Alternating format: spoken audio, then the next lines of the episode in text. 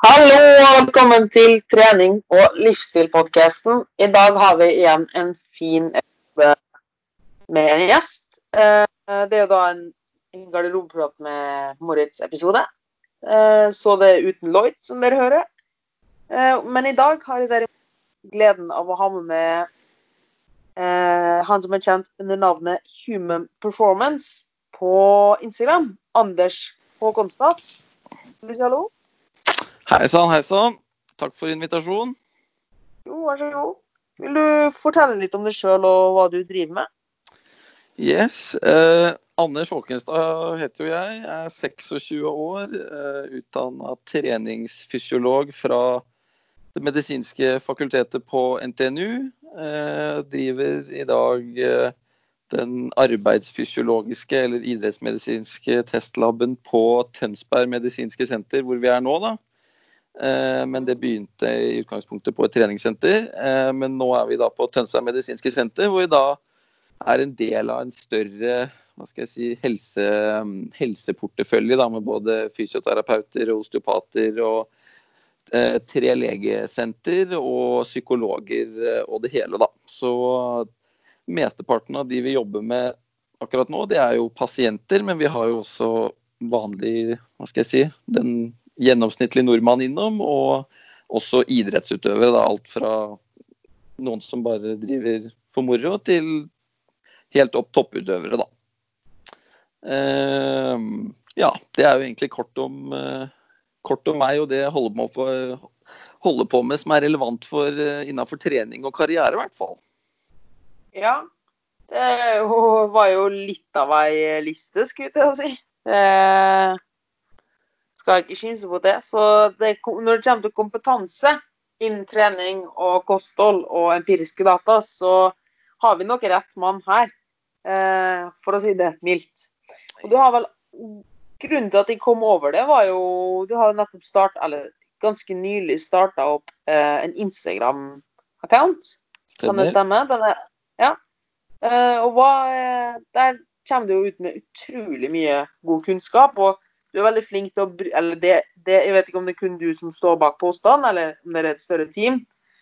Uh, men i hvert fall så er dere utrolig flink på å bryte ned forskning, slik at vanlige folk kan forstå det.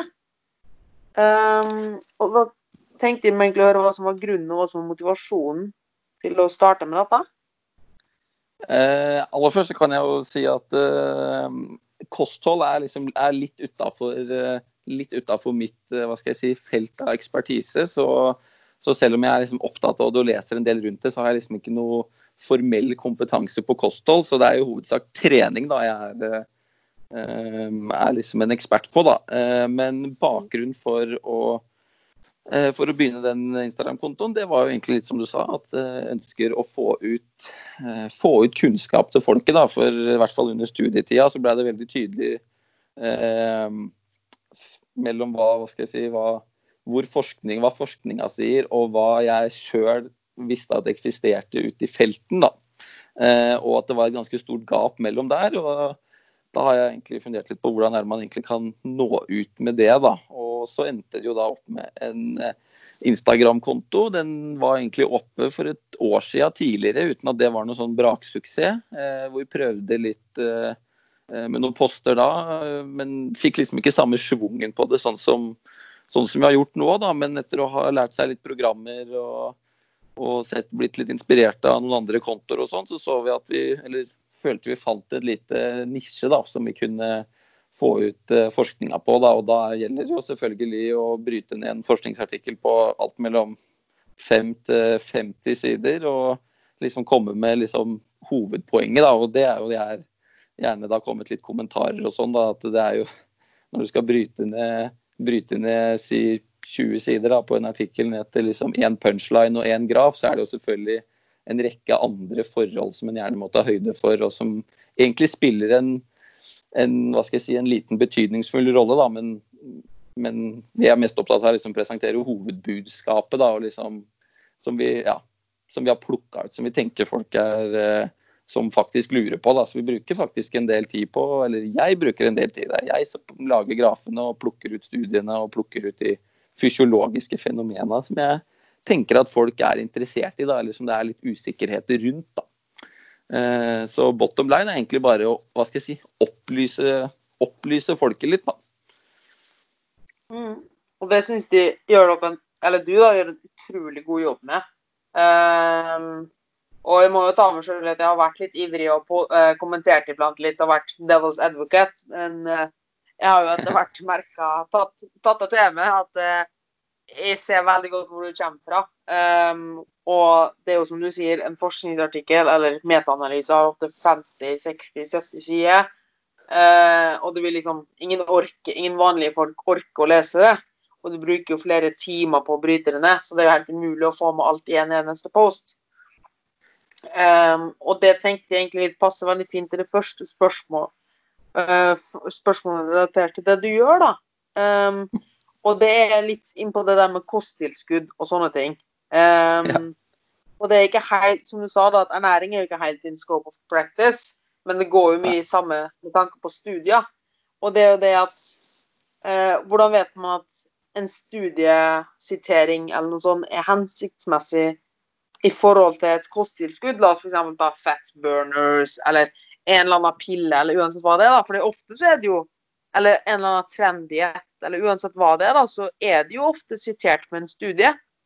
Eh, men hvorfor er kanskje ikke alltid dette her så relevant? Eh, nei, altså hvor skal man begynne her? Uh, det er så mange ting å ta, ta tak i. Eh, men jeg tror det første man kan si, det er at forskning er ikke nødvendig bare fordi det nødvendigvis heter forskning, eller at det står at det er basert på forskning, så er ikke det, det er ikke noe grunn til å sluke det rått av den grunn. Det er, eh, det er nok av dirty triks innenfor den bransjen også. Eh, og særlig mitt, hva skal jeg si, kanskje det viktigste rådet da, når man leser en forskningsartikkel eller får høre om det, så er det at man må kikke på det sjøl. Man må se på hoveddataen sjøl for å kunne gjøre en, eh, ja, gjøre en, ordentlig vurdering av det. Da, fordi eh, de som ikke nødvendigvis er så kjent med en forskningsartikkel, den inneholder alltid et abstract, et lite sammendrag av hva, eh, hva artikkelen finner. og den kan, Det abstractet eller den sammendraget det kan jo alle gå inn da og å se på og søke på. Og er det ett sted hvor gjerne forskerne ønsker å eh, fortelle, eller i hvert fall si få mest mulig ut av dataene sine, da, og gjerne sier ting som ikke er sant, så er det der, da. Eh, og det er ikke mer enn Du skal ikke lese veldig mange artikler før du skjønner at de har på en måte eh, Hva skal jeg si eh, over, de, har, de, har, flere funn i abstract enn det de egentlig har i artikkelen. De har på en måte satt sine egne funn litt på anabole steroider. Så, eh, så, mitt beste råd er liksom å kunne gå inn og lese artikkelen, men da begynner jo en del andre problemer, som f.eks. at du må jo ha kunnskap om mm, hvordan man leser en artikkel, hvordan den er bygd opp. og så når du vet hvordan den er bygd opp, så må du jo se på hvilke metoder de f.eks. har brukt. Hvis du skal f.eks.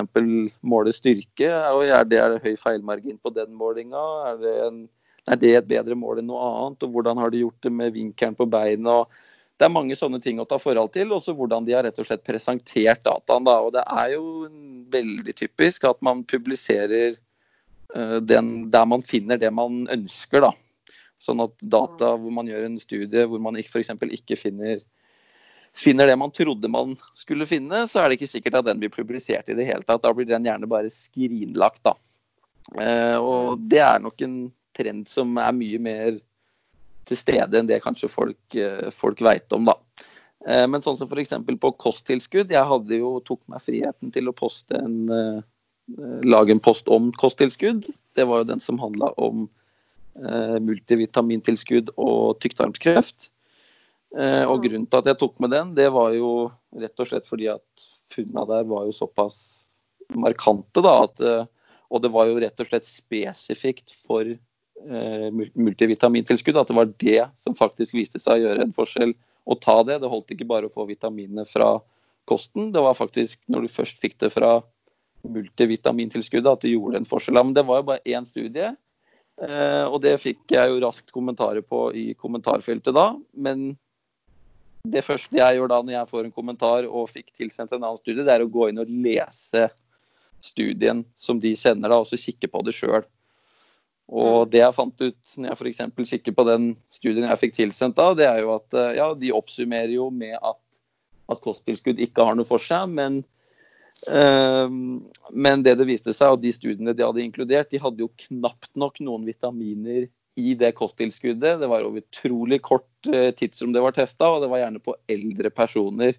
Eh, mot den studien jeg siterte, det var jo da der var det jo Et av nøkkelargumentene var jo faktisk at du måtte gå på multivitamin i fem, over 15 år. Eh, og det var gjort på 90 000 stykker.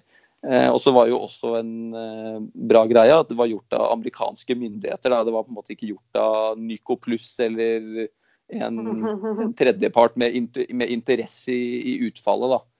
Eh, og siden de hadde såpass mange, så er det lettere å stole på, stole på dataen. da.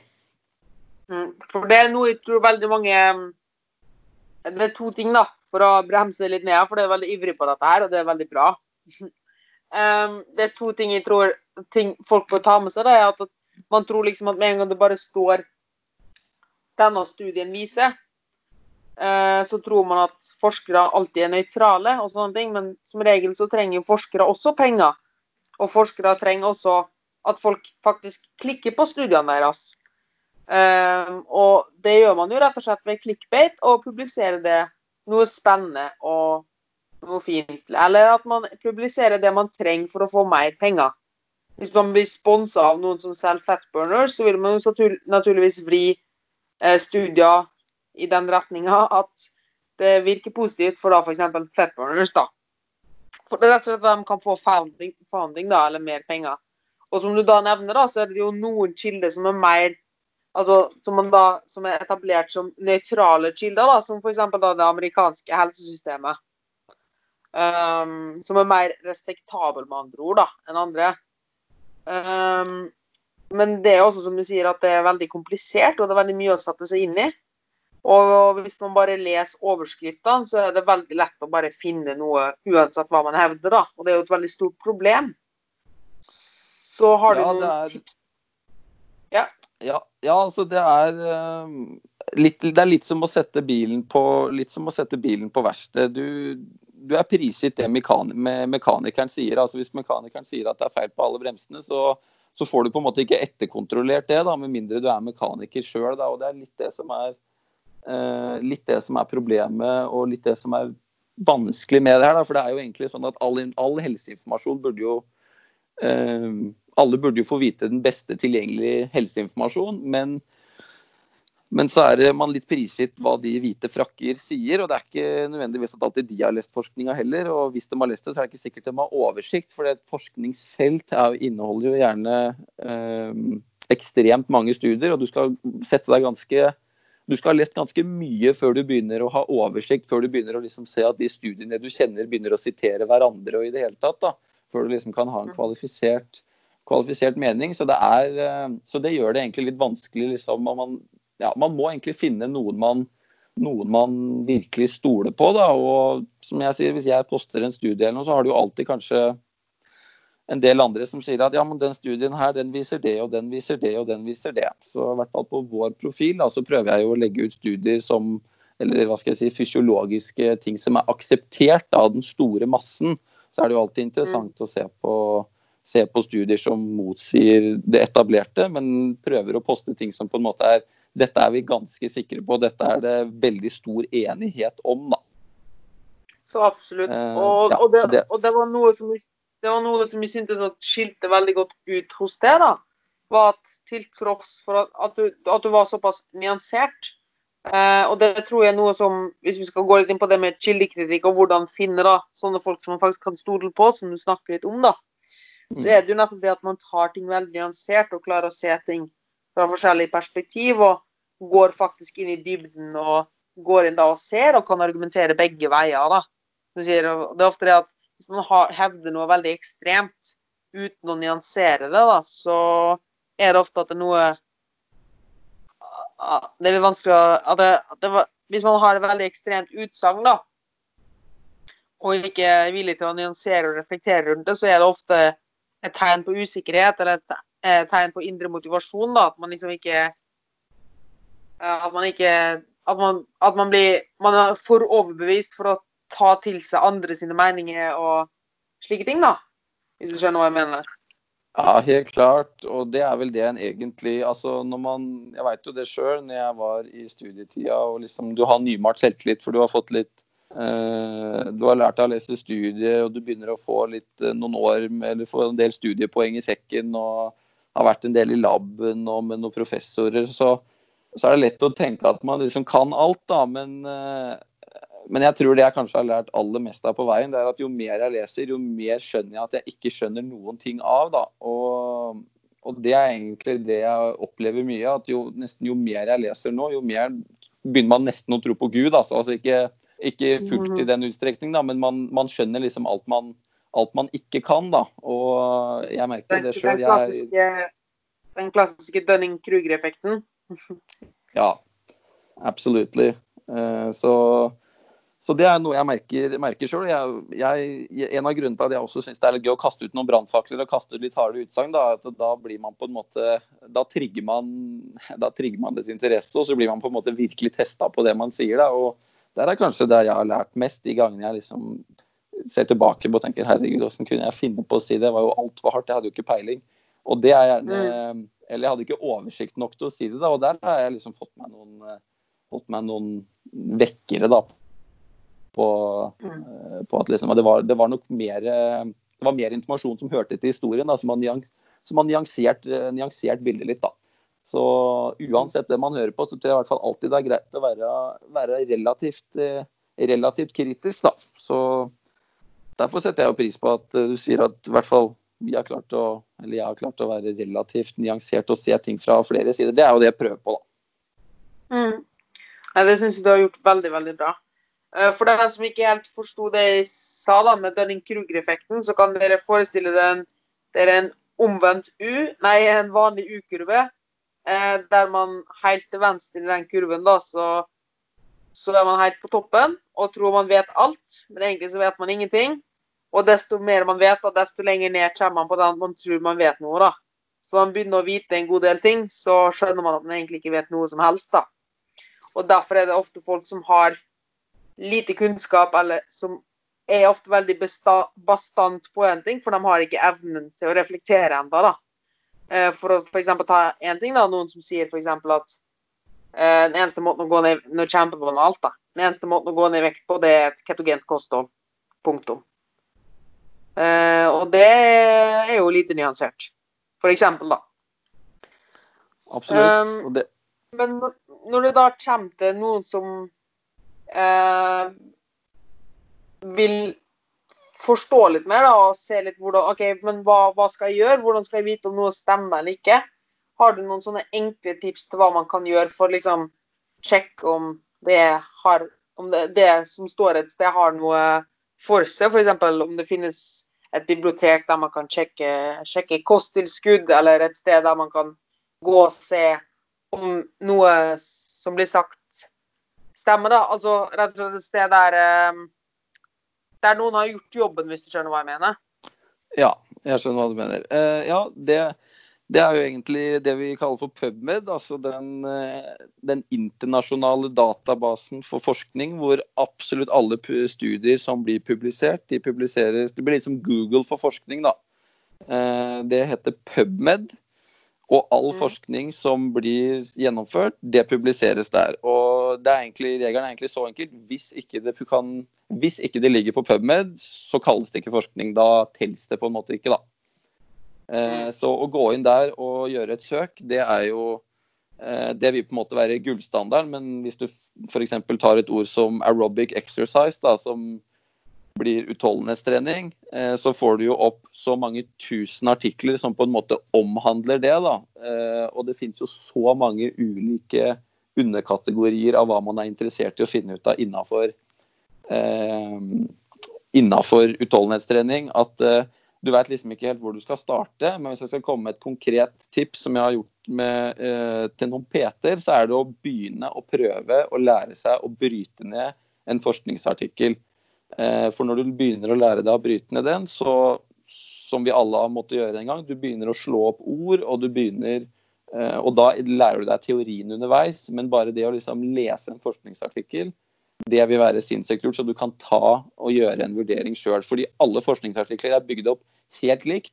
Sånn at hvis du kan lese én forskningsartikkel og skjønne strukturen på den, så kan du skjønne de andre. da. Selvfølgelig ikke alt innholdet, men da vet du i hvert fall hvordan den er bygd opp. Altså Å lære seg det, det vil, være, det vil egentlig være det beste. For da man kan egentlig ikke være veldig trygg på som, om det som står er sant, eh, uten at man har lest det sjøl. Det bør være en være en grei, grei huskeregel. da. Så å lære seg det, det er, vil være liksom første, første bud, da. Eh, hvis jeg, skal, hvis jeg skal si noe, da. Mm. Ja, det syns jeg var veldig fint uh, sagt der, egentlig. Men så, det er nok veldig mange som tenker sånn OK, så uh, for å, hvis vi skal forstå noe som helst eller gjøre noe som helst, så må vi lære med å lese studier. Er det sikkert mange som tenker noe, eller som tenker den retninga, da. Men det er jo ikke helt sånn. Fordi det er også på en måte en balansegang mellom hva forskninga sier, og hva som funker for en person. Eh, for det er nok veldig mange der ute som er litt for opphengt i hva forskninga sier. Eh, har du noen tanker rundt det?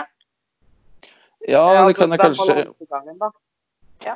ja, det er, vel, det er vel gjerne sånn at man, de som driver med forskning, blir jo ofte kritisert for å ikke vite hva som skjer i praksis. Da, at det liksom er to helt forskjellige verdener. Men det skal jo sies at mange av de som driver aktivt i praksis, enten det er, eh, enten det er fagansvarlig på Olympiatoppen i langrenn eller det er en fotballtrener et sted, så er de, det er gjerne de som er med å gjennomføre studier i laboratoriet også. sånn at eh, det er ikke liksom sånn at noen driver med forskning og noen driver med praksis. Det er gjerne mange av de som er mye i praksis, som også driver med, eh, driver med driver mye med forskning. Eh, sånn at det er liksom ikke helt Eh, det er ikke helt todelt der.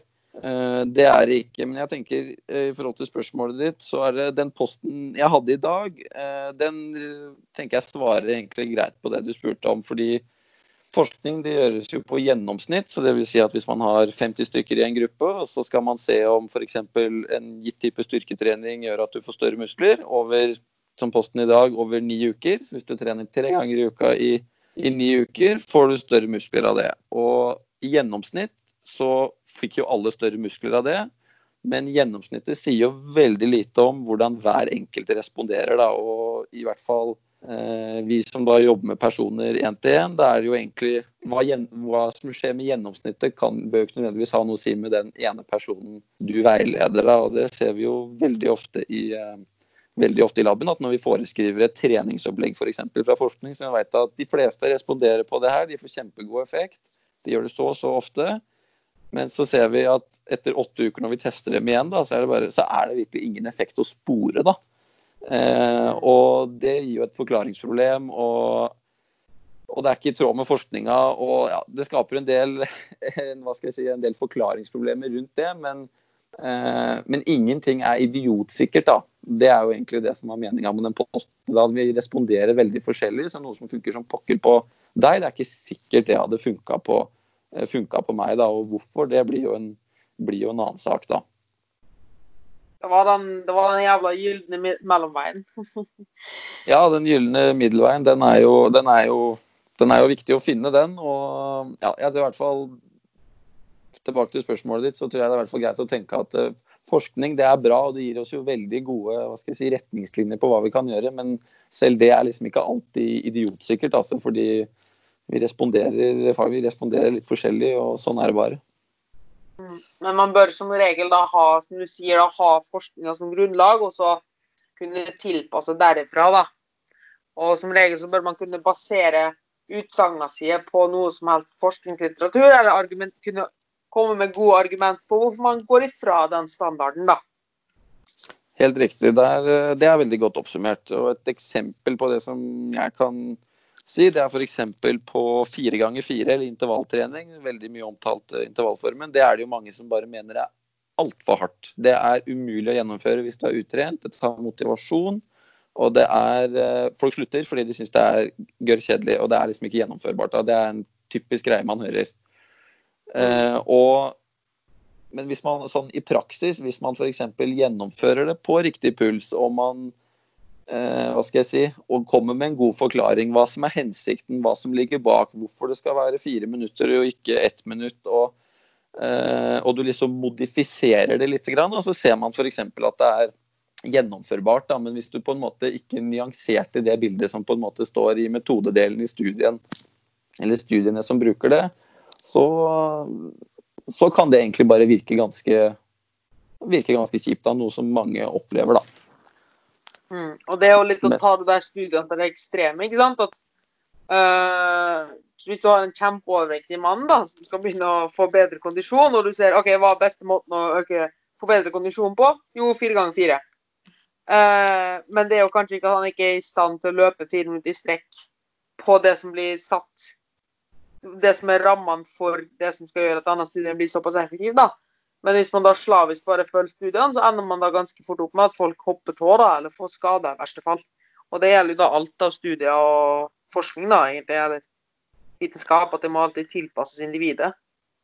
Det er det, og det skal jo til fire ganger fire sitt forsvar, og er en treningsform vi bruker sinnssykt mye i laben, rett og slett fordi det er veldig godt dokumentert. Og prinsippene det er tufta på, prinsippene det er tufta på, er jo effektivt. Det er jo liksom ikke noe Jeg kjenner jo de professorene som har laga fire ganger fire, eller som står bak konseptet, da, Jan Hoff og Jan Helgerud, veldig godt. Det er jo der jeg også, de jeg også tok masteren min eh, i treningsfysiologi hos. Og det er ikke noe magisk med firetallet. Det er det er mer prinsippet om at det må være høy intensitet, sånn at du får belasta hjertet. Og det må da være en gitt intensitet, og det må være over et gitt tidsrom da, for å på en måte sikre den, sikre den effekten. Da. Og mange, typisk mange spør meg om, er hvor fort skal jeg løpe fire ganger fire? Hvor fort skal mølla gå? Og det er ikke, man stiller ikke inn etter mølla eller hvor mange kilometer i timen det er. Du stiller inn etter pulsen. Er jo, pulsen er jo individuell. sånn at eh, der hvor jeg f.eks. må løpe mine fire ganger fire for å komme opp i riktig puls, så er det jo alle pasientene vi trener, de går jo i slakk motbakke, og det er nok eh, riktig puls for de, da. For det selvfølgelig vil jo ikke en mm. overvektig mann f.eks. kunne gå eh, løpe i eh, 15-16 km i timen, mens han vil jo da få det samme treningsstimuli ved å gå i motbakke, 5% stigning og 4,5 km i timen f.eks. Så Eh, så da får man jo på en måte den Selv om protokollen sier at du skal løpe sånn og sånn, så har de jo da tilpassa, ikke sant. Så det er jo nettopp det, da. Ja. Mm. Det var egentlig en veldig fin oppsummering, eller gjennomgang av det, denne balansegangen mellom forskning og praksis. Eh, og så er det altså, akkurat det stikk motsatte er jo da folk som kun baserer alle utsagnene mine sine på ja, men det funka for meg typisk her har vi jo da, som vi snakka om, det er hun, da, hun de vedkommende som går på én diett og tror at det er eneste måten å gå ned i vekt på. Eller personen som har kjørt bro split, altså en viss treningsform hele livet sitt, og har fått kjempegode resultater av det, og derfor mener jeg at alle andre skal gjøre det, fordi det funker for ham. Det er da akkurat det motsatte ekstreme, da. Helt klart. Eh, og Men det skal jo sies da til forskningen sitt forsvar så er det jo hva skal jeg si, Det er jo veldig mange myter der ute som på en måte forskningen er med på å hva skal jeg si, å ødelegge litt. da. Det, ja, det er jo mye sånn bro science som har vokst fram, som på en måte eh, Hva skal jeg si for noe som er eh, litt sånn som f.eks. Eh, eh, ja, det er jo et utrolig brennbart tema, da, men dette med langkjøring og O2-opptak og terskeltrening og i det hele tatt, så er det jo mange som det er veldig populært med, med, langkjøring. Og for de som på en måte da hva skal jeg si, er litt under middels interessert, da. Så de tenker f.eks. at å løpe langkjøring, det er det som øker O2-opptaket, da. Og det er det f.eks. veldig eh, god evidens for og enighet om at eh, langkjøring det, det betyr ikke at det ikke er viktig, men det har ikke nødvendigvis noen effekt på O2-opptaket. Da eh, da må du opp i intensitet, da. Sånn at uh, det, både, det, er både bevist uh, i, um, i, randomiserte, kontrollerte studier, og det gir også fysiologisk mening basert på fysiologiske prinsipper da, som gjør at du, du får bedre kondisjon. Da, sånn at det, uansett hva noen måtte finne på å si da, er at ja, men det funker for meg å, å trene langkjøring, så kan jo ja, sånn rent mentalt og hvis noen trives med det, og, så er det jo ingenting som er viktigere enn det. Men å få god kondisjon så kan du ikke nødvendigvis eh, trene langkjøring og satt opp mot f.eks. intervalltrening, så er det jo eh, virkelig ineffektivt. Absolutt. Men jeg tror eh, det er egentlig en veldig fin måte å eh, eh, ta litt poenget eller problemet ved rota, da. Er nettopp det der at folk ser hva én person har gjort, eller ser f.eks. La oss si de ser Petter Northug eller Marit Bjørgen gå på ski, eller så ser de Arnold Schwarzenegger på gymmet og tror å ja, OK, så for å se sånn ut, eller gjøre sånn, så må jeg gjøre som den personen gjør. Men det er jo egentlig stikk motsatt. At nei, den personen har funnet ut at han må gjøre sånn fordi han er som han er. Eh, men folk ser noe og tror at, at, det, at den tingen de har gjort, er fasiten for å bli sånn. Uh, hvis du skjønner hva jeg mener? Jeg er helt enig. Ja, jeg skjønner hva du mener. Uh, og det er jo, jeg tror det er veldig viktig å tenke på, særlig de vi leser om i avisa, de som er store idrettsstjerner. Ta f.eks. Marit Bjørgen. Der har de jo faktisk publisert Det lagde vi en post på. Der har de jo faktisk mm. publisert uh, uh, fysikken, eller de fysiologiske måla man gjør på, kan gjøre i laboratoriet på henne. Og det, det, man ser der, det er jo at hun har jo et fysiologisk Altså f.eks. laktatterskelen, altså hvor mange prosent av eh, maksen din du kan klare å ligge på uten å akkumulere melkesyre, det ser ut til å være veldig genetisk bestemt. da. Og Marit mm. Bjørgen der, hun kan jo nesten ligge opp mot 90% av maksimalt oksygenopptak. Hun kan liksom utnytte 90% av maksen sin uten at det begynner å hope seg opp med melkesyre. Det kan de aller, aller færreste. Så hun har liksom Det tyder jo på at hun har et uh, genetisk grunnlag som på en måte uh, skildra helt ut. da, Så at da den store massen da, som ikke har det grunnlaget, skal prøve å gå løs på det samme som henne, uh, henne det er Sannsynligheten for at de ikke klarer det, og den mengden hun trener, den, den er i hvert fall sånn passelig stor. da, Og selv Marit Bjørgen har jo også møtt veggen. Hun, det var jo, hun trente jo beinhardt en lang periode, og så endra treninga, og så blei jeg jo eh, ble jeg mye bedre, da. Sånn at jeg tror alle sånn idrettsstjerner man ser, det er jo gjerne Det representerer ikke den store massen, men er jo gjerne en selektert, eh, veldig selektert gruppe, da. Sånn som Arnold Schwarzenegger. Det er jo De fleste er jo ikke Arnold Schwarzenegger. Så liksom prøve å gjøre all, altså disiplinen deres og moralen deres og tanken om å på en måte ja, tanken om å på en måte holde noe, være konsekvent i det man gjør og ha en målsetning, det er jo noe man virkelig skal plukke opp, for det er jo de noen gode forbilder på. Men om om alle kan sette, om Hvis du setter det samme programmet på til Arnold Schwarzenegger på 50 andre, så får du nok ikke 50 Arnold Schwarzenegger av den grunn. og Det er jo, det er jo greit å alltid ha med seg. To veldig fine, eller en veldig fin analogi her, da, sånn folk skjønner det enda litt mer, det er jo det der at eh, Hvis du ser på basketballspillere Basketballspillere er jo ganske høye. Men det, det betyr jo ikke at de er høye av å spille basketball. Det er jo tvert imot at folk som er høye, har en tendens til å gå mot basketball. Ja. Sammen så at folk responderer godt på én type trening, f.eks. langrennstrening, da, og er flink på utholdenhet. De blir gode i langrenn. Men det betyr jo ikke at det nødvendigvis er langrenn som er bra for utholdenhet. Altså, nå er det jo det, da, men kanskje ikke femmila er så bra for å øke O2-opptaket, da. Til tross for at den som går femmila, har høyt O2-opptak. Helt klart. Det er, og det samme ser du jo med sprinter. De som, er, de som ser på barneskolen at eh, de løper for alle, de har jo automatisk lyst til å drive med noe som, som gjør at de på en måte får eh, hevda seg i det de er gode på. Da. Sprint det kan jo være mange, sprint kan jo være nyttig mange steder, da. men vi har jo sett det med alle de som kommer inn i laben som er opptatt av sånn laktatterskel og løper halvmaraton og 10 km og sånn. de altså Eh, alle sammen som sier de er veldig glad i å løpe utholdenhet og alltid har vært det, de har av en eller annen grunn alltid veldig høy terskel. Altså det tyder jo på at uh, hvis du på en måte har anlegg for å bli god i eh, bli utholdenhet, som du da har hvis du har for en høy terskel, så velger du på en måte litt automatisk det, da, mer enn at du nødvendigvis får en sinnssykt høy terskel av å drive masse med utholdenhet, selv om akkurat det der er jo litt uh, debattert, da. Mm. Og det kan man jo også bare fort før vi går videre til neste punkt. Det kan man jo også ta på um, når det kommer til kosthold, da. At selvfølgelig vil noen som responderer bra på et lavkarbokosthold f.eks., få resultat med et lavkarbokosthold. Eh, men det betyr jo ikke at lavkarbokosthold fungerer for alle. Men det er jo nettopp fordi det funka for denne personen, at det var så, fordi det passa denne personens livsstil at det var så effektivt.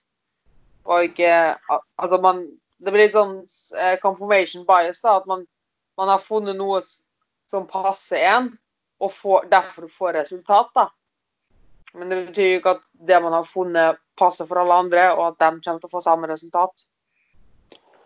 Nei, jeg tror det er greit å bruke liksom vi om tidligere, greit å bruke liksom noen prinsipper. Det er liksom du eh, Hva skal jeg si Litt som å bli Hvis du målet ditt er å bli sinnssykt sterk, så kan du ikke bare gå ut og løpe. Du blir ikke sinnssykt sterk av det, uansett hvor mye det passer deg.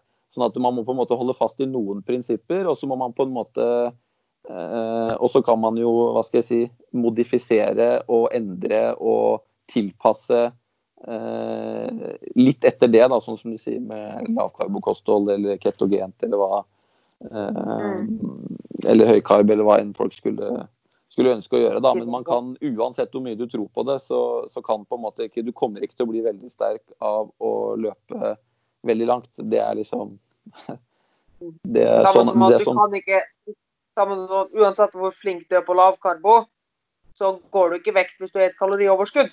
Så det er liksom sånn Nei. Det er mm. Eh, veldig greit. Mm. Så det var egentlig en veldig fin oppsummering av det der med balansegang mellom forskning og praksis. da.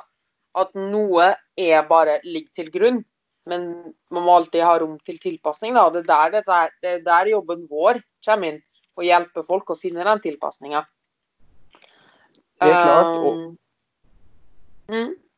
og også, også også gjerne forklare de, også forklare gjerne kundene eller de man jobber med, at det, at det er sånn. da, Litt tilbake til den posten jeg hadde i dag, hvor du f.eks. sier det verste som skjer i laben, det er når noen har betalt penger for å trene med deg i tillegg, og du har satt opp et opplegg, og du, har, du skal ha kunnskap, og det er forskning, og, og, så trener du, og så måler du ingen resultater. da, Det har liksom ikke skjedd noen ting. da, og Eh, og det er jo der hvor på en måte forskninga eh, kommer til, til, kort. da, fordi da er det jo Forskning er jo på gjennomsnitt, og så har du en av de som på en måte faller utenfor den store massen. Men det er jo vel så viktig for, vel så viktig for de å få effekt og få forståelse av sin egen kropp, og hvorfor funker det ikke på de. Og, og det er jo der man rett og slett uh, må bruke sin praktiske erfaring og prøve noe annet. Og noen ganger rett og slett bare ta et skudd i blinde og si at vet du hva, basert på erfaringa mi så har jeg opplevd at det og det her funker. Det står ikke noe sted, men vi har opplevd at det funker, så kanskje det funker for deg òg. Så mm. det, det, der må man bare gjøre noen ganger, og det gjør, det gjør vi også. Ja. Skal vi hoppe litt inn på noen uh, spørsmål fra lyttere? Yes. Eller fra Instagram hovedsakelig, da. Ja. Uh, her vil nok komme litt sånn kontroverser her og der, uh, nettopp på grunn av som du sier, da, at du prøver å få til Eller ikke kontroverser, men at folk liksom har lest en, en av postene dine, og så tror de liksom at du kun står for det, da. Ja. Um, så da starter vi bare enkelt og greit med uh, Er det virkelig nytte av Getrade, Powerade under konkurranse, uh, eller generelt diett med høy salt? Uh, jeg vet ikke om du har lagd noen poster om det med elektrolytter og sånn. Du sa jo sjøl litt at du ikke var så inne på inne på kosthold, men kanskje bare litt sånn generelt om næringstilførsel eller karbohydrattilførsel under lengre konkurranser, da. Jeg skulle si at det er ikke mitt, uh, mitt sterkeste felt på stående fot, men jeg har jo selvfølgelig lest noe på det. Uh, og det er at uh, altså I bånn ligger jo selvfølgelig når du skal på å ha fulle glykogenlagre. Det er jo virkelig virkelig lurt når du skal ut på et langt løp. Ha fulle glykogenlagre. Og måten du gjør det på, det er å ligge i, på lavkarbo, for så å gå høykarbo et par-tre dager før, uh, før, du skal ut på et løp. Da, du, da får du fulle glykogenlagre. Og hvis løpet selvfølgelig er veldig langt, så risikerer du jo at glykogenlagrene går tomme. Eh, og da er det jo selvfølgelig lønnsomt å fylle på med noe. Og da er det jo selvfølgelig vist at drinker eller ulike sportsdrinker som inneholder en viss sammensetning av eh, karbohydrater, og i hovedsak um, jeg husker ikke akkurat hvilke drinker de testa, men det er vist at det er bedre prestasjon. Og at du f.eks. har mer å gi en spurt, eller at du klarer å holde lenger til utmattelse. så eh, Det har definitivt noe for seg, men det kommer jo litt an på hvor man, hvordan man bruker det. da. Hvis du har fulle glykogenlagre før du skal begynne et løp, og du styrter en Gatorade eller en Powerdlick, så er det ikke nødvendigvis at den gir deg så mye da. Men hvis du tar når du er tom langt ute i løpet for å ha energi på slutten, så vil det jo eh, f.eks. ha noe for seg da. For å Jeg så nå inn på profilen nå. Eh, for å gi et litt bedre bilde, så ser jeg at vedkommende eh, spiller American football. Eh, og det er kanskje litt sånn da, litt det vi kan tenke på litt kortere Burson. Om da det, han spør også om det du Han stilte tre spørsmål, da, og to Det andre var det med om cardloading før konkurranse, som du var litt inne på, har noe for seg. Eh, og det er jo som du sier, på lengre utholdenhetsøkter og slike ting, og løp som varer veldig lenge, så vil det jo være veldig hensiktsmessig å ha, både ha fulle lager, fulle lager, i dagene før og fylle på underveis. Eh, men når du da kommer til litt kortere ting, som f.eks. en fotballkamp, da, hvor hensiktsmessig er det da å drikke f.eks. Gatorade eller Powerade i pausen, eller å karbo opp dagene før. Det er jo da snakk om kanskje 60-90 minutter. Ja, nei, der vil jeg si, Hvis vi tar og svarer på det med carb-loading først, der vil jeg jo si at det er Altså, det bør man gjøre. Det, er, eh, det har så mye å si for prestasjon. I det sekundet du går eh, tom for karbohydrater, så møter du veggen. Eh, og det, så vidt jeg har skjønt, så er det faktisk der det uttrykket stammer fra, å møte veggen. Det er hvis du bare tenker at du løper et maraton, og så går du Du går aldri i teorien tom for karbohydrater, men vi sier at du gjør det. Og så skal du prøve å holde den samme farta nå ved å forbrenne fett. Det krever mer oksygen å forbrenne fett. Så det vil si at da får du et inntrykk av at du møter veggen. altså Du må rett og slett senke tempoet, for du ønsker å spare på glykogenet eller på karbohydratene så lenge som overhodet mulig. Og særlig i en fotballkamp, fordi fotballkamp det er jo selvfølgelig eh, Hvis du spiller hele kampen, da spiller du jo i 90 minutter. Og hvis man bare hadde løpt kontinuerlig på en fast intensitet, så kunne det tenkes at glykogenlagrene holdt i halvannen time eller i 90 minutter. Da. Men fotball er jo eh, en hyppig idrett med sprint og retningsforandringer som tapper glykogenlagrene så mye fortere så fort du gir liksom makstrøkk. Eh, så særlig for amerikansk fotball, da, eller vanlig fotball for den saks skyld, så vil det jo være i aller høyeste grad lønnsomt å ha fulle glykogenlagre, sånn at du har den raske energien tilgjengelig eh, når du skal sprinte, eh, og særlig da på slutt, i slutten av andre omgang, da, hvor, hvor, mm. hvor, mange kamper blir avgjort. Absolutt. Det var et veldig fint svar. Uh, jeg har litt sånn personlig spørsmål i tillegg, da, for å fullføre det litt. Ja. Uh, og det er det der med Eh, når du da sier at man møter veggen, ikke sant, og i anførselstegn tomme glykogenlagre mm. uh, Om man da inntar raske karbohydrat i form av gel eller Powerade eller hva det er mm. Hvor lang tid tar det cirka før man liksom kan begynne å jobbe med disse nye karbohydratene igjen? Oh, det er altså akkurat hvor lang tid det tar før du inntar i munnen, og det blir tatt opp i jeg går ned i magesekken og blir tatt opp i tarmene, og så går ut i blodet ditt. Akkurat hvor lang tid det tar, det er jeg litt usikker på. Men eh, det går relativt fort. Det er jo det som er med simple karbohydrater. er jo at Man veldig enkelt sier at det går bare rett i blodet på deg, så du kan jo nyttiggjøre deg det med en gang. Det går bare rett og legger seg som blodsukker, og så kan cellene ta det opp, og så kan du bruke det. Det skjer sinnssykt fort. Altså, mm. vi snakker, med, vi snakker uh, minutter, hvis, hvis, i det hele tatt det. Så det er uh, Eh, så det kan, du nyttiggjøre, nytt, det kan du nyttiggjøre da omtrent med, med, altså det er jo bare, Når de skal teste f.eks. Uh, glykemisk indeks, så skjønner du at det går mm. fort, for da spiser du noen karbohydrater, og så ser du jo på insulinresponsen. Og du ser jo det, den går jo Hvis du spiser noe som er veldig karbotungt, så går jo den opp eh, veldig kjapt. Altså det betyr jo at hvis insulinresponsen, altså man måler i blodet, eh, går opp, så betyr det jo at karbohydratene må ha kommet dit, og det skjer jo sinnssykt fort. Altså, nesten jeg skulle ønske jeg hadde noe tidspunkt uh, og tid på det, men uh, uh, det har jeg ikke på, på stående, stående, fot her nå. Men det skjer Uh, ikke siter meg på det, men det skjer omtrent med en gang, da, for å si det sånn. Så hvis du føler du er tom for energi under et løp, og du får en gel og du kan spise, så føler du nesten momentant at du får mer energi å bruke og kan gi på med, da. Mm. Men det er fortsatt noen kostbare minutter når du kommer til et løp eller noe sånt. Uh, men det var veldig fascinerende. Jeg trodde det tok lengre tid. Ja, Det kommer helt an på om eh, det kommer helt an på, holdt jeg på å si, om du skal bryte ned. Alt sammen skal jo bli glukose. Så uansett om du spiser eh, hva skal jeg si, langsomme karbohydrater som f.eks. pasta, så skal jo det også brytes ned sånn at det blir til eh, glukose. Alt sammen, alle karbohydratene du spiser skal bli til glukose. Men det er klart at hvis du allerede spiser glukose, så skal det jo ikke brytes ned. Så du kan bare skyfle de rett inn i blodstrømmen.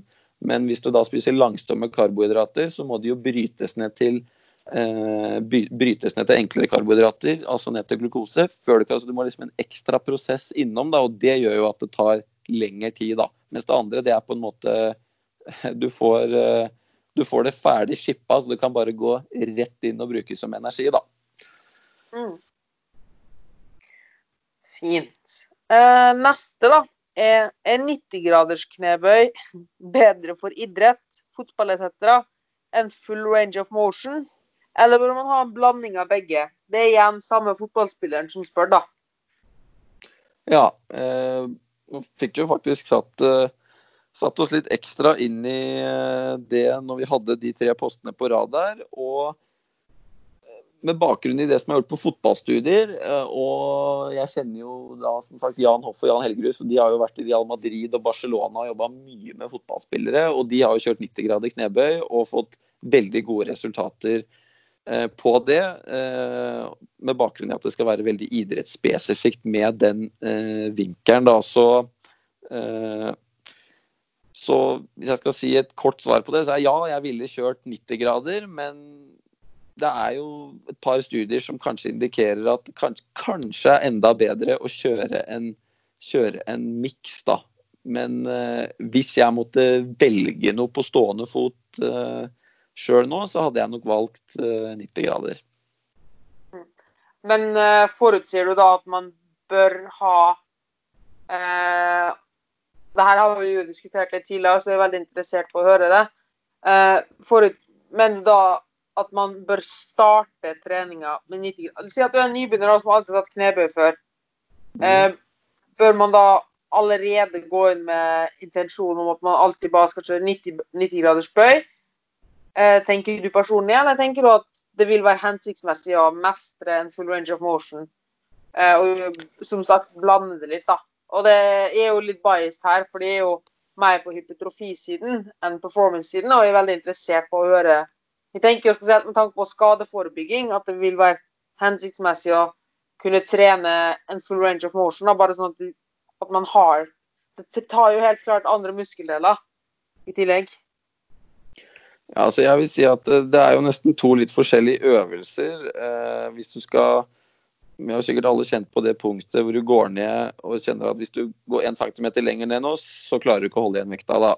Så du får liksom det mm. brekkpunktet der. Da må du jo kaste av en del av vektene. sånn at uh, Hovedproblemet med 90 grader etter hvert, det er jo at du, du klarer jo ikke altså Kjernemuskulaturen, magemuskelen, det klarer jo ikke å holde holde vekta oppe, for du klarer å legge på såpass mye. da, Men skal, skal du ned i full range of motion, så, uh, så må du jo hive av ganske mye vekter for å, hva skal jeg si, for å klare å gå fra hele veien ned og opp. da.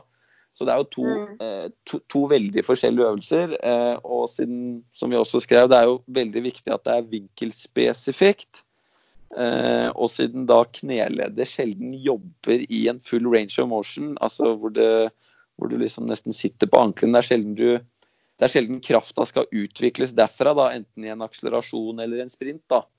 Eh, sånn at eh, det er jo liksom baktanken med at 90 graders knebøy er mer idrettsspesifikk og, og mer relevant. Eh, så når du sier at skal man lære seg en full range of motion først, så, så tenker jeg nesten at det er, nesten en, det er nesten en annen øvelse å lære seg. Jeg syns det er veldig stor forskjell på å løfte sinnssykt tungt, altså eh, i 90 grader, og løfte med lettere vekter i en full range of motion. Da. Selv om det sånn sett trener det samme, så er det veldig to helt ulike øvelser. Så vår erfaring er ikke at det er noen nødvendighet å lære seg den ene før den eh, andre. Og vi ser at det kanskje er til og med lett, lettere å lære seg 90-graderen fordi det krever ikke fordi det er bare 90 grader. Det krever ikke så mye. Hvis du klarer å holde knærne stabilt og sette rumpa bakover ned til 90 grader, så krever det ikke så mye mobilitet eller teknikk. Det, eh, det krever egentlig bare å bli komfortabel med å holde den store vekta på, på ryggen. Da.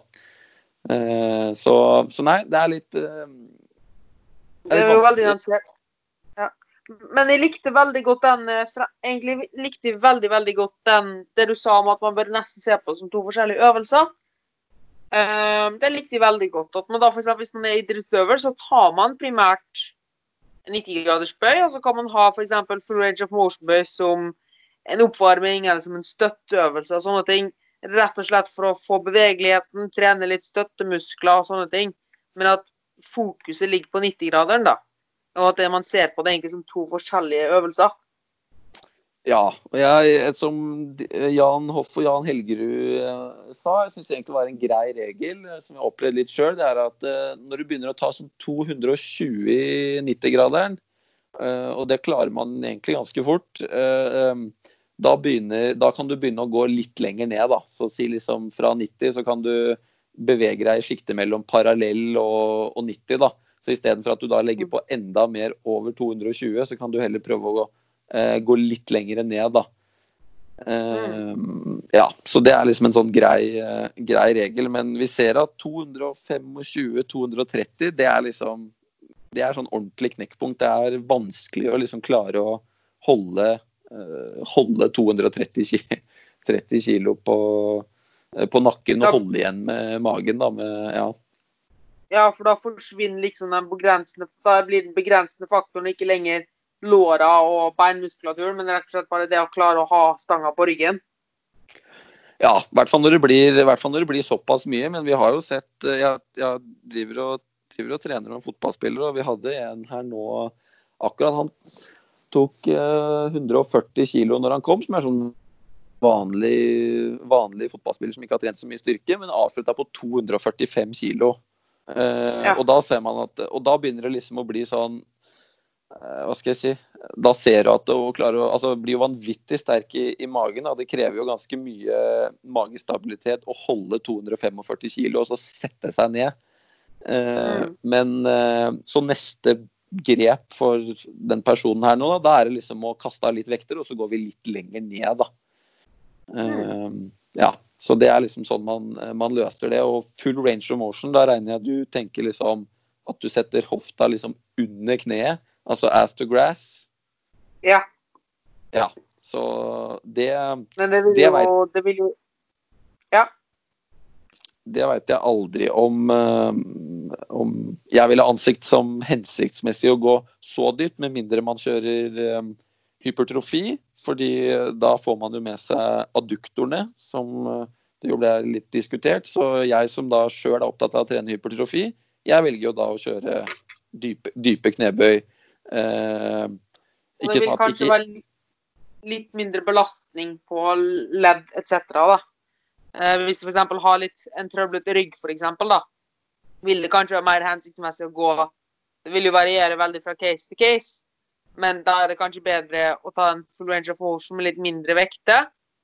Eh, kontra det å lasse på en haug med vekter på ryggen, da, og så Ja. Jeg har opplevd begge, begge, deler. Ja. Det vil nok sikkert variere veldig fra person til person. Helt klart. Men, er... men jeg likte veldig godt det du sa. Jeg tar det med meg i hvert fall videre også. Og, det, og du åpenbarte med en liten sånn miniåpenbaring der, og bare se på det egentlig som to helt forskjellige øvelser. Ja, det eh. ville det ville jeg definitivt gjort. Og, og, ja, egentlig, jeg tror egentlig det er greit å holde det til det. Det er, det er to, veldig to, veldig forskjellige øvelser. Mm. Bra. Uh, og så er det et spørsmål som jeg syns egentlig var svart på ganske greit, men jeg skal bare nevne det sånn at vi har tatt det med. Eh, og det, hvilke forskjeller opplever du i praksisarbeid kontra det man skal lære ved vitenskapelige studier? Og det syns jeg egentlig du har svart på veldig godt gjennom hele poden. Uh, hvis ikke du vil tilføre noe lite, da. Nei, det er egentlig et veldig, veldig bra spørsmål. Og som jeg egentlig bare kan prøve å komme en kort oppsummering på. og Det er vel Eh, det var vel egentlig din oppsummering som var ganske bra. Det er at man bruker eh, forskninga og det man finner der som en styrepinne eh, på hva man, hva man skal gjøre for de ulike formåla. Og så må man justere Hva skal jeg si? Justere detaljene litt, da. Sånn som at ett Det er kanskje det jeg oppdaga mest. At fire ganger fire, tre ganger i uka, det hvis du leser forskninga, så tenker du jo at herregud, det funker jo på alle, men jeg har jaggu opplevd at det ikke har fått noe effekt på å trene det tre ganger i uka i ti uker. Og jeg har opplevd at vi har trent eh, noen én gang i uka i ti uker, og jeg har sett en effekt som jeg aldri har vært borti før. Det ser ut som man bloddopa dem. sånn at eh, Så det er vel kanskje den største forskjellen, er at eh, forskning er på gjennomsnitt, og og vi jobber på individnivå, og der kan jo responsene sprike, sprike veldig, da. Mm. Ja, det var fint sagt. Så har jeg bitte litt igjen. Det er avslutning ja. her. Uh, og det Her kan du bare svare kort og greit. Trenger ikke å utdype eller noe som helst. Uh, og det er først Hva irriterer deg aller mest i din daglige jobb eller ting du ser i media og sånne ting? Er det noe, har du noe du brenner for veldig? Eller noe som du ofte blir irritert over? Ja, kan si det høyt, da. Si. Nei, det er jo mange Nei, det Jeg har jo mange ting jeg engasjerer Jeg har jo, jeg har jo mye meninger om ting, men det er jo ikke noe som på en måte går og irriterer meg på, på den måten. Men det kanskje det vanskeligste jeg opplever i praksisen min, det er jo at, eh, er jo at Jeg har jo én lege på, på, laget nå som er liksom Eller jeg har et par leger som sender meg pasienter, men jeg har en som liksom er knytta til laben og som sender mye. Men med tanke på hvor viktig bl.a. å måle maksimalt oksygenopptak, da, eller, eh, eller, bare det å bruke trening som medisin, hvor viktig det er, eh, så er eh, det utrolig vanskelig å nå inn til fastlegene. Jeg har vært og snakka for mange fastleger på flere kontorer. Jeg har også vært det flere ganger. og der kan man noen ganger oppleve at man snakker til døve ører. Eh, ikke bare noen ganger. Og litt sånn arroganse der, liksom, på at dette, dette trenger vi ikke vite noe om, da. Selv om på en måte forskninga er veldig klar. Da. Og det kan jo det kan oppleves ganske irriterende noen ganger, da. At eh, ikke kom Altså, du kan ikke få Det er ikke noe en lege ikke veit, da. Kan, kan, noen ganger være litt holdninga, da. Og det, og det jo, går jo bare utover pasientene. Siden mange da gjerne blir veldig mye bedre av å bare faktisk noen ganger bare begynne å trene litt enkelt. Ja, det var et veldig fint punkt, og vi skal ikke gå altfor langt inn på det, men det er noe jeg har merka veldig mye også. og Spesielt som du sier, da, at leger ofte tror da, at um, Og det vil nok variere veldig veldig fra lege til lege, men ofte da uh, at de hviler laurbæra sine litt da, på det de lærte for ti år siden på medisinstudiet, f.eks. Um, og ikke utvikle seg videre, og har kanskje ikke den evnen til å nyansere. da. Og kanskje gå litt ut av step, altså En lege er ikke en kostholdsveileder, f.eks. Eller en, en, lege er ikke en ernæringsfysiolog. Eller en lege er ikke en treningsekspert. Nei, virkelig, virk, virkelig ikke. Nå som jeg sier, jeg har jo en av mine gode kompiser, som Morten Oseberg, som jobber med på Tønsberg. Han, han er jo lege, og, så jeg veit Jeg har jo litt inside info. Og, og, jeg kan jo De lærer jo ikke så mye om trening som medisin eller fysisk aktivitet. sånn at Eh, at grunnen til at de avfeier, avfeier det litt, det har nok mye mer med at de eh, hva skal jeg si, er Du beveger deg inn på et territorium de ikke kan noe om, og da er det lettere å avfeie det enn det er å på en måte prøve å ta det inn over seg. da. Uh, og det, det, er ikke, det, er nok ikke bare en feeling man har, det er nok også sant. Og det er ikke Du er ikke den første jeg hører som også sitter med det inntrykket, da. Det var godt å få hørt. Um, og så litt morsomt. Um, er det noe konkret du gjør i hverdagen eller bruker på pasienter, eller som du sjøl gjør hos det, som strider mot vitenskapen, i anførselstegn, altså som egentlig ikke, man egentlig ikke skal gjøre, da, men som du gjør? Godt spørsmål. Uh, ja, ja, og nei. Jeg prøver jo alltid å uh, finne rot i vitenskapen. Og nesten så fort jeg begynner å leite, hvis man bare leiter godt nok, så finner man faktisk at det er uh, det er veldig få ting det ikke er gjort noe studie på eller forska på, da, men det vel heller, blir vel heller å si at det er, ikke, det er ikke etablert eller det er ikke gjort mye forskning på det. Men jeg har hatt noen, hatt noen innom som eh, eh, f.eks. har hatt en eller annen skade i forbindelse med løping, eller har slitt med, slitt med noen symptomer knytta til eh, ja, særlig ME. Jeg har hatt ME og utmattelsessyndrom tidligere i livet, så jeg har har litt fartstid på det. da, Og, eh, og snakka med en del eh, rundt det. Og der er jo ja, det er en del tynn forskning, og ingen veit jo egentlig så mye om det. Og der må jeg innrømme noen ganger at jeg har sagt at dette her er ikke eh, Det er ikke bredt forska på, men det fins ett studie. Der viste de gode resultater på åtte av ti eller sju av ti, eller det var mange som blei bedre av det. Og den friheten tar jeg meg å gjøre hvis de er eh, utreda av helsevesenet opp og i mente. De er egentlig på lost ground, de finner ikke ut av noe, og de er egentlig desperate etter en løsning. Og hvis jeg da veit at det er et studie eller noen som har hatt effekt av noe som på en måte ikke som ikke er ansett av skolemedisin som på en måte øh, noe annet enn nesten litt kvakksalveri, men at noen har hatt effekt av, da sier jeg, at, da sier jeg det. Så sier jeg men jeg ville likevel prøvd det, fordi det er det beste shotet du har. da, og i noen tilfeller så har vi egentlig treffet veldig godt på det, og det har rett og slett blitt helt bra av det. da, og Der er vi tilbake på det med, eh, med individnivå, da, å være skeptisk, liksom. Det er ikke nødvendigvis at hvis legen din Legen er litt sånn hvis ikke du syns på blodprøvene, så, så er, det ikke, er det ikke noe gærent med deg. Men for å si sånn, hvis du syns på blodprøvene, da er du skikkelig dårlig. Og det kan jo være absolutt mye gærent med deg, selv om ikke det syns eh, syns der, da. Så svaret er ja. Det, hvis alt er på en måte prøvd og sjekka hos legen og i det vanlige helsesystemet, så, så anbefaler jeg noe på praktisk erfaring. Enten bare på en enkelt case, eller noe jeg kanskje har klart å rote fram i en studie. da. Så det gjør jeg absolutt. Det var veldig fint og nyans. Jeg likte det svaret veldig godt. ja, det er, godt. Ja, det er sant òg. Ja. Eh, hva var det jeg skulle si nå? Det var jeg har ett spørsmål til slutt. Eh, yes. Men før det så tenkte jeg å eh, kommentere det med det du sa med blodprøve, og at da er det skikkelig ille. Jeg liker å sammenligne det med f.eks. folk som sier at de sover ganske lite. Og ja, men det går helt fint, og bla, bla, bla. Um, og så sier Priya Sidem ja, du sykler med et rustent kjede. Uh, men sykkelen er jo ikke ødelagt.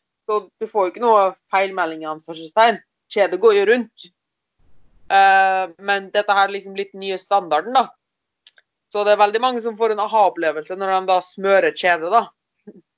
Uh, ja, helt men klart. Det har jo aldri, men det har jo aldri kommet en konkret feilmelding. Det har bare gradvis blitt verre og verre og verre. Men man legger ikke merke til det, fordi det skjer gradvis. Nei, og der hvis jeg bare kan få lov å tilføye det, siden de aller fleste går til legen når det er noe gærent, det er jo og de tar blodprøver. For det første én, referanseverdier. Når du ser på referanseverdier, så betyr det egentlig bare at eh, det det, altså Referanseverdiene det er to standard avvik fra gjennomsnittet. Så det betyr egentlig bare at hvis Bare tar jeg et tall, men hvis øh, øh, hvis, øh, hvis gjennomsnittet er ti på verdien, Eh, og, eh, men referanseverdien er på alt fra 2 til 20, da, så betyr det bare at 95% av befolkninga de ligger mellom 2 og 20. Det er det referanseverdiene betyr. Mellom, så hvis, eh, hvis du ser på ja, Vi holder oss til det eksempelet. Hvis du ser, Det ligger mellom 2 og 20, men du kan jo fint høre til en av de 5% som ikke, eh, ikke tilhører den store massen. da. Eh, og referanseverdiene kan jo som nummer to sprike helt vanvittig. Så hvis du ligger Det er ganske stor forskjell på å ligge i det ned, innafor, men i det nedre sjiktet, og innafor i det øvre sjiktet. Så det referanseverdiene burde vært tufta på, det er hva som er optimalt, ikke hvor 95% av alle i befolkninga ligger. Er, bør jo ikke ha noen ting å gjøre med hvor, eh, hvor du på individnivå skal ligge. Og bare ett eksempel jeg vil ta med der, som jeg fikk vite når jeg testa det sist, det er f.eks. på, eh, på eh, glukose var det, Jeg lurer på om det var på, på, blodsukker. Der har de jo på en måte bare flytta referanseverdien fordi befolkninga har flytta seg. Så fordi at vi har bare generelt sett et høyere blodsukker, så har referanseverdiene bare flytta seg i takt med det. da. Så der hvor du før lå eh, langt utafor referanseverdien, nå er du innafor. Så det er liksom en grei ting å vite om med referanseverdier. Da, at eh, selv om, selv om, Hvis du føler deg sjuk og er frisk der, så betyr det ikke at du er frisk eller at du er sjuk i huet ditt. Da er det bare fordi at du må ta en annen prøve. Og det finnes så mye mer prøver å ta enn det du kan få gjort hos legen. Du skulle bare visst hvor mange prøver det er mulig å ta. Mm. Og det er, jo, det er, jo, litt frekt å si, men uh, hvis vi ser på befolkninga sånn generelt, så er det kanskje ikke gjennomsnittet man bør legge seg på. Um, dessverre, da. Og det er jo som du sier, at de, bare fordi noe er gjennomsnittet, så betyr ikke det at det er sunt. Uh, Nei, i hvert fall, ikke, opp, hvert fall ikke optimalt, og det tror jeg er det vi skal være, være ute etter. og Det fikk jeg beskjed bare for å si mine egne prøver. Jeg fikk beskjed om at ja, du ligger innafor referanseverdien på sink, men det optimale som er dokumentert i litteraturen, det er her. Så da fikk jeg beskjed om at jeg burde ta i meg litt sinktilskudd, rett og slett for å komme opp på et optimalt nivå, og ikke bare være eh, innafor referanseverdien. Da, og da begynner vi å snakke. Da begynner det å være coaching på et individualisert nivå på hva som er best for meg. Mm. Er... OK, siste spørsmål får vi avslutte her nå. Det er ja. hvis du hadde møtt deg sjøl for ti år siden, med den kunnskapen du har i dag, hva hadde du sagt til deg sjøl? Hadde gjort veldig mye veldig annerledes. Det Hva jeg hadde sagt til meg sjøl Nei, da hadde jeg eh, Hva skal jeg si for noe? Eh, jeg hadde i hvert fall trent mindre. Jeg hadde trent mindre, for mer effekt. Eh, og jeg hadde eh, Tja, hva skal jeg si? Jeg hadde kommet ganske mye bedre ut av en del helsesituasjoner som jeg sto i, bl.a. fordi jeg hadde hadde ME og utmattelsessyndrom. Så når jeg veit det jeg veit i dag, så hadde jeg jo eh, gjort noe helt annet eh, den gangen for å komme eh, for å komme meg ut av det, eller for å komme på bedringens vei, eller komme dit jeg er i dag, da, med det jeg veit nå. Det var jo bare mangel på, mangel på kunnskap av de rundt meg. Blant annet da, som jeg snakka om nå, dette med referanseverdier og hva som er optimalt og eh, sånn. Så ja, det er vel egentlig det. Jeg hadde tatt en del, tatt en del andre valg for ti år siden med det jeg veit eh, nå, som jeg er helt sikker på hadde gjort en stor betydning. da, eh,